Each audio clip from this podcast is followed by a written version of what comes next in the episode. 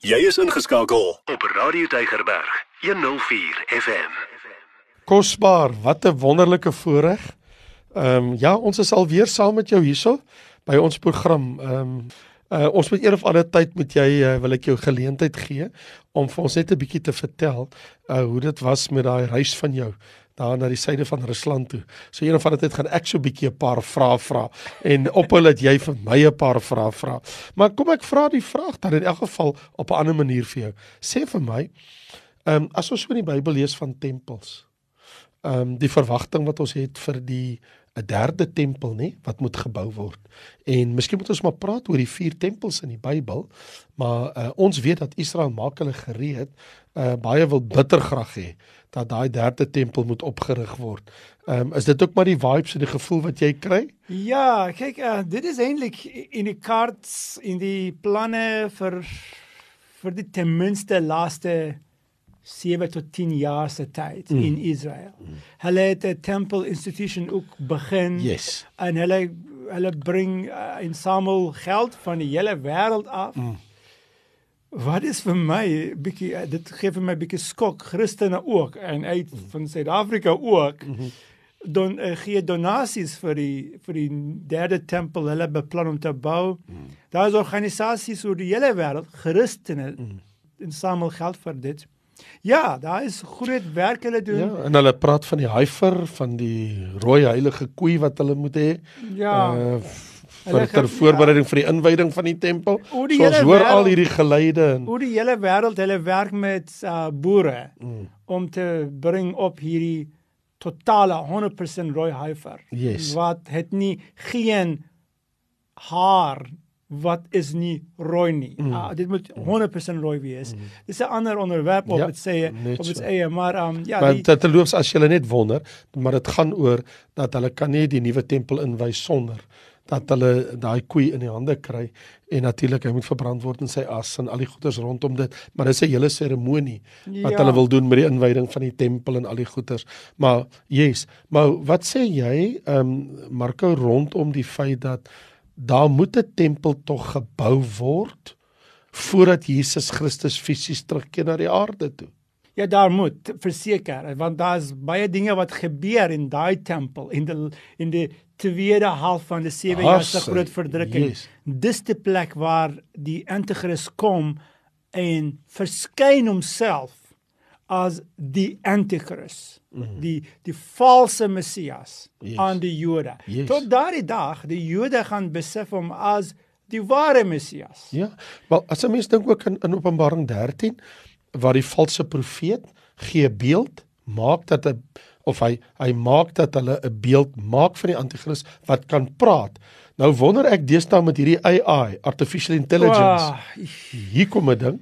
Ja, nou nou hierdie as ons praat van die onderwerp, as ons praat in die onderwerp van die vier tempels van die Jode, daar's so baie verskillende aspekte van dit die die die die, die eerste ding in my kop is die grond van die tempel. Yes. Waar moet die tempel staan? Ja. Nou in Israel. Ons weer is in Israel. Ja, in Israel, daar is nie letterlik 1 skoor meter vry vir die land nie. Alles is opgeneem, alles is onder iemand se naam. Ehm um, die grond is baie duur, baie skaars, maar die tempel homself moet bestaan op 'n baie spesifieke plek. Ja. Ja, ja, ja. En ek en jy weet dat elke tempel, die al twee tempels voor hierdie nuwe tempel hulle beplan, het het op die presies dieselfde plek gestaan het. Yes. Nou die derde tempel moet ook dieselfde plek wees. Net maar so. daar's 'n groot probleem. Mm. Nou op die presies daardie plek vandag daar staan 'n moslim moskee. Mm. Nou wat gaan hulle doen met hierdie moskee? Mm. Hulle kan nie die tempel bou nie tot eers hulle maak daai moslim gebou weg uit die pad. Ja. Maar as hulle dit doen, dit beteken 'n massiewe oorlog tussen Israel en die moslim wêreld. Right. En dit bring ons in koneksie met die twee oorloë. Een is in die uh, Psalm 83 en die ander een is in, in Ezekiel 38. 38 en 39. Ja, so hierdie twee oorloë het iets om te doen met daai moskee wat nou vandag staan op die tempelgrond. So hier is 'n baie interessante ding. Dat um, in in Israel is daar twee persepsies. Van dit is ook dat as jy die westelike muur van die tempel vat en jy wil presies waar die tempel was, want wat Marko nou na verwys, hy verwys na die tempel van Salomo en die tempel van Zerubbabel. Toe hy gesê het die eerste twee tempels wat op daai plek gebou was. Tempel van Salomo en die tempel van Zerubbabel. Dit was gebou op die berg Moria waar Abraham vir Isak sou offer, waar die engel van die Here hom gestop het. Dit is op 'n gedeelte wat oorhang op die berg Sion. As jy op die lyfperd staan dan lê dit voor jou. Dis die plek waarna Marko nou verwys het. So ons pad van Salomo se tempel wat die eerste een was, sê die Babel, na die ballingskap wat die tweede tempel was. Nou, daar is daar is Joodse geleerdes vandag wat sê dat as hulle die tempel sou bou volgens die opmetings wat hulle het en hulle sou werk op die oorblyfsel van die muur van die oorspronklike muur van Salomo, dan is daar 'n 18 duim. Hulle praat van 1 en 'n half voet spasie oor tussen daai El Ask moskee en die Joodse tempel. So hulle sê, dis is baie interessant, want onthou, ons kan net sê wat hulle sê. Ons dit dis mos nie wat die Bybel sê nie. Al wat die Bybel vir ons sê is, die Bybel sê dat daar gaan 'n tempel wees. Ja. Okay. Maar nou ek en Marco, ons dis die grond van die tempel. Oh, Presies. Ons is baie geïnteresseerd oor okay, maar as jy 'n tempel waar gaan julle bou? Hulle gaan Jerusalem bou, right? Waar? Nie op die berg Moria, heeltemal korrek. Maar waar op die berg Moria? Nee, daar waar hy gestaan het. Net langs die moskee. presies, maar maar nou maar staan die moskee presies op die plek of staan hy langs die plek of staan hy by die plek? So ek wil net sê daar is wel 'n persepsie by Israel dat daar as hulle wel die tempel sou oprig, dat daar kan jy glo 18 duim, 1 en 'n half voet spasie sou oorbly. So ek kan mos nou nie 'n kol daaroor maak nie, ja. want ek bedoel ek is nie Maar dit maar dit bring 'n groot probleem nog steeds. Yes. Die probleem is vandag alhoewel die grond van die Moria, Ja. Berg Moria, is in die binne die grens van die land van Israel. Hmm. Alhoewel. Daar is 'n international agreement net so. met die land van Jordan. Net so. Die agreement Net so. gee die autoriteit oor die Yes. tempelgrond Aan Jordanië. aan Jordanië. Yes. En die Jord moslems sê Ja. nie in ons lewenstyd Ja, nie. ja. Hulle sê die Jode kan kom op sekere tye elke week net as toeriste, Yes. maar hulle kan nie daar bid nie. Right. Hulle kan nie daar aanbid aan die God nie. So dit is nou die, die nuwe vandag se uh, huidige regering van Israel is die meeste right wing sterkste right wing regering ooit in die nuwe Israel en nou eerste keer hulle sê ons gaan bid en as jy wil kom ons slaan ons gaan jou slaan terug.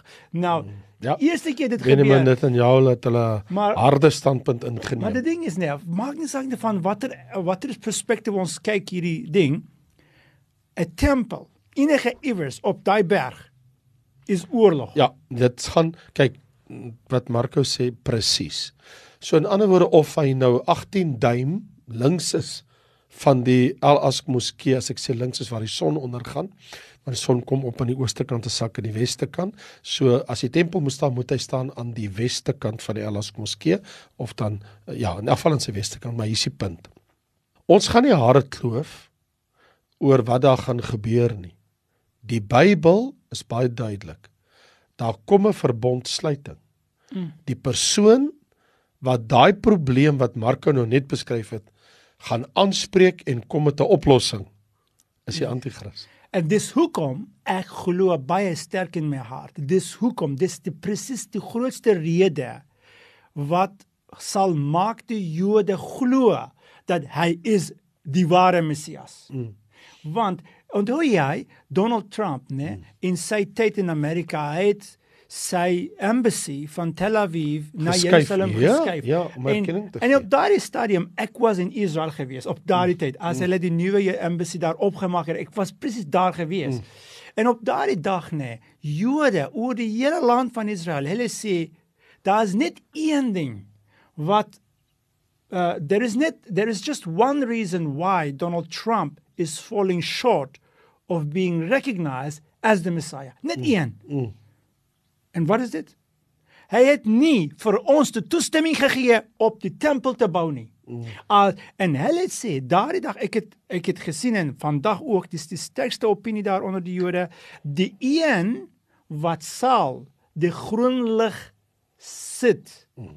aansit vir die Jode om die tempel te bou. Hulle gaan sy blessing kry. Hy mm. is die Messias. So hier is 'n baie interessante ding. Hoe ver is ons van dit af? En my antwoord is sal dit wees of wil ek dit eers in 'n vraag stel? Sal dit ja, wees voor die wegraping of gaan dit wees na die wegraping? En, en dan wil ek sommer terselfdertyd as antwoord aanbied en ook net sê maak dit saak. Een ding weet hmm. ons, hy gaan staan voor die middel van die verdrukking. Ja.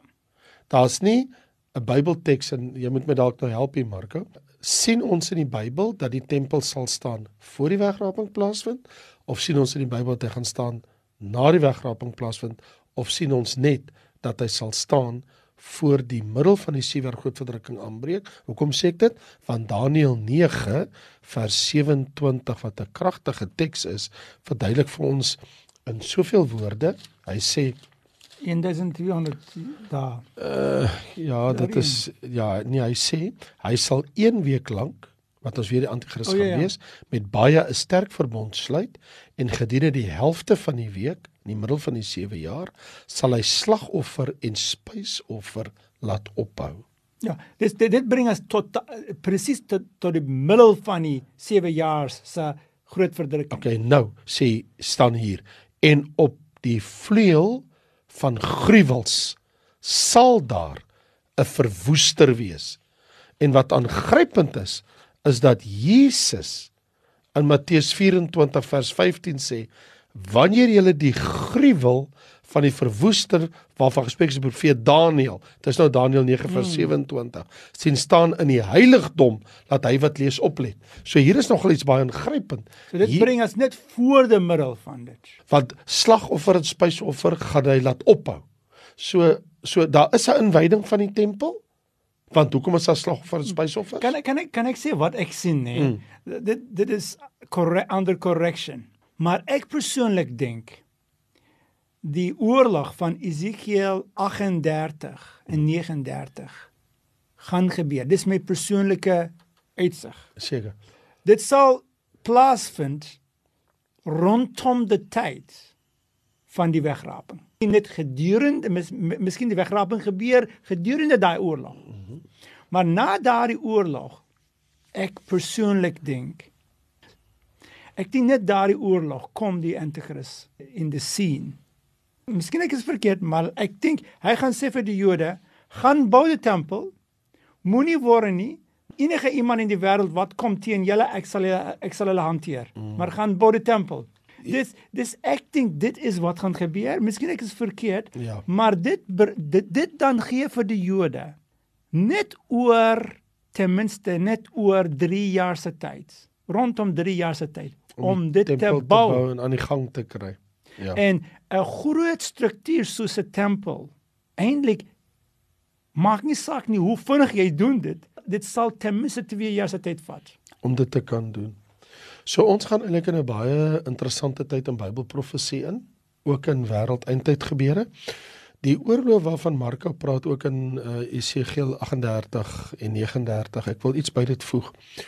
Daniël het dit voorsien toe hy gesê het toe die Here van my gesig wys in Daniël 7 toe hy sê hy sien dat die dier wat die 10 horings het 'n ander horingkie kom tussen hulle op, drie horings is daar voor ontwortel en 'n mond wat groot woorde spreek en oë wat um, soos mense oë. Ons weet as die anti-kris, nê? Want Openbaring sê dit ook. En nou oor hierdie koninkryke, toe sê die vier groot diere wat is, vier konings sal uit die aarde uit opstaan. So hier is die aangrypende ding. En dit is daar kom oorlog. In Markus hmm. reg. Daar kom oorlog. En hy noem sekere lande se name en en spesifiek hier in Daniël 7 word dit nou nie by naam genoem nie, maar in Esegiel word dit by name mos nou genoem. Togarma, Rusland, Ros, Duitsland gaan betrokke wees, Noord-Afrika, Kus en Put. Sy noem hulle almal Togarma en alles. Maar hier is 'n interessante ding. Daar kom definitief oorlog in die nabye toekoms. En dan in die einde van dit, 'n klein mannetjie wat Ja. niemand verwag. Ja, klein horingkie wat opstaan. Ja. Ja. So niemand dink uh, dit dit lyk so uh, asof wie's dit? Dis wat die Bybel sê. So maar hier is die scenario. sien die scenario. Daar kom oorlog, that's a given.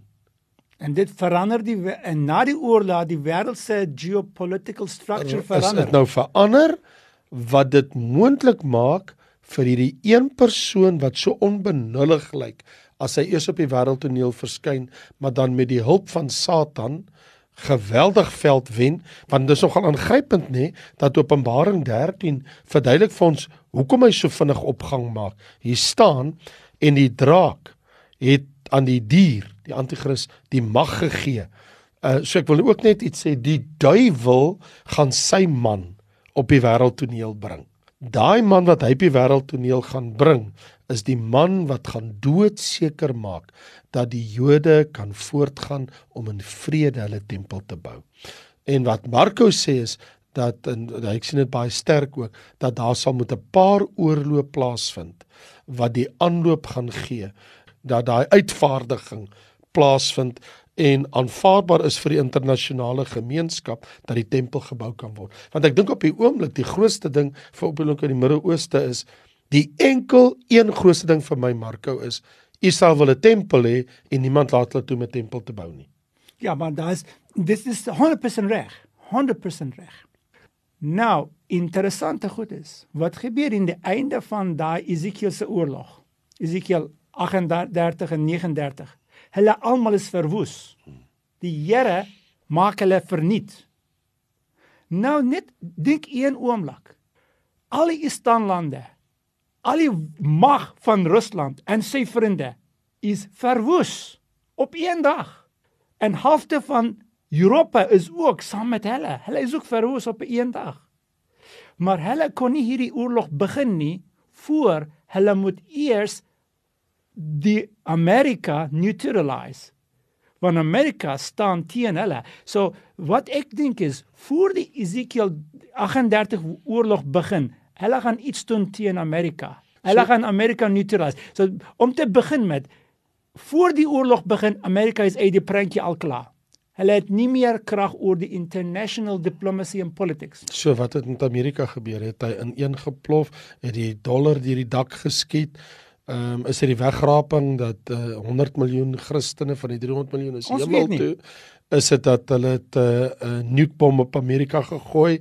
Een van die Midde-Oosterse lande het atoombom in die hande gekry of het hulle ineengeplof weens hulle goddelose immorele lewenstyl dat die volk ja. ja. dit maar iets het gebeur. Maar, Maar, ons- Amerika ja. is nie meer 'n faktor nie. Ons- so een ding weet dit. weet Ja, ons, het- wat dit het ook al is, hulle is nie meer 'n faktor nie. En Marco is heeltemal reg dat wanneer hierdie goeters in die wêreld uitspeel, daardie is tyd- Amerika nie meer 'n faktor nie. Daardie tyd die grootste faktor, grootste autoriteit in die wêreld is Rusland. Mm. Hulle bring saam hierdie groot wêreldwyd weermag teen Israel.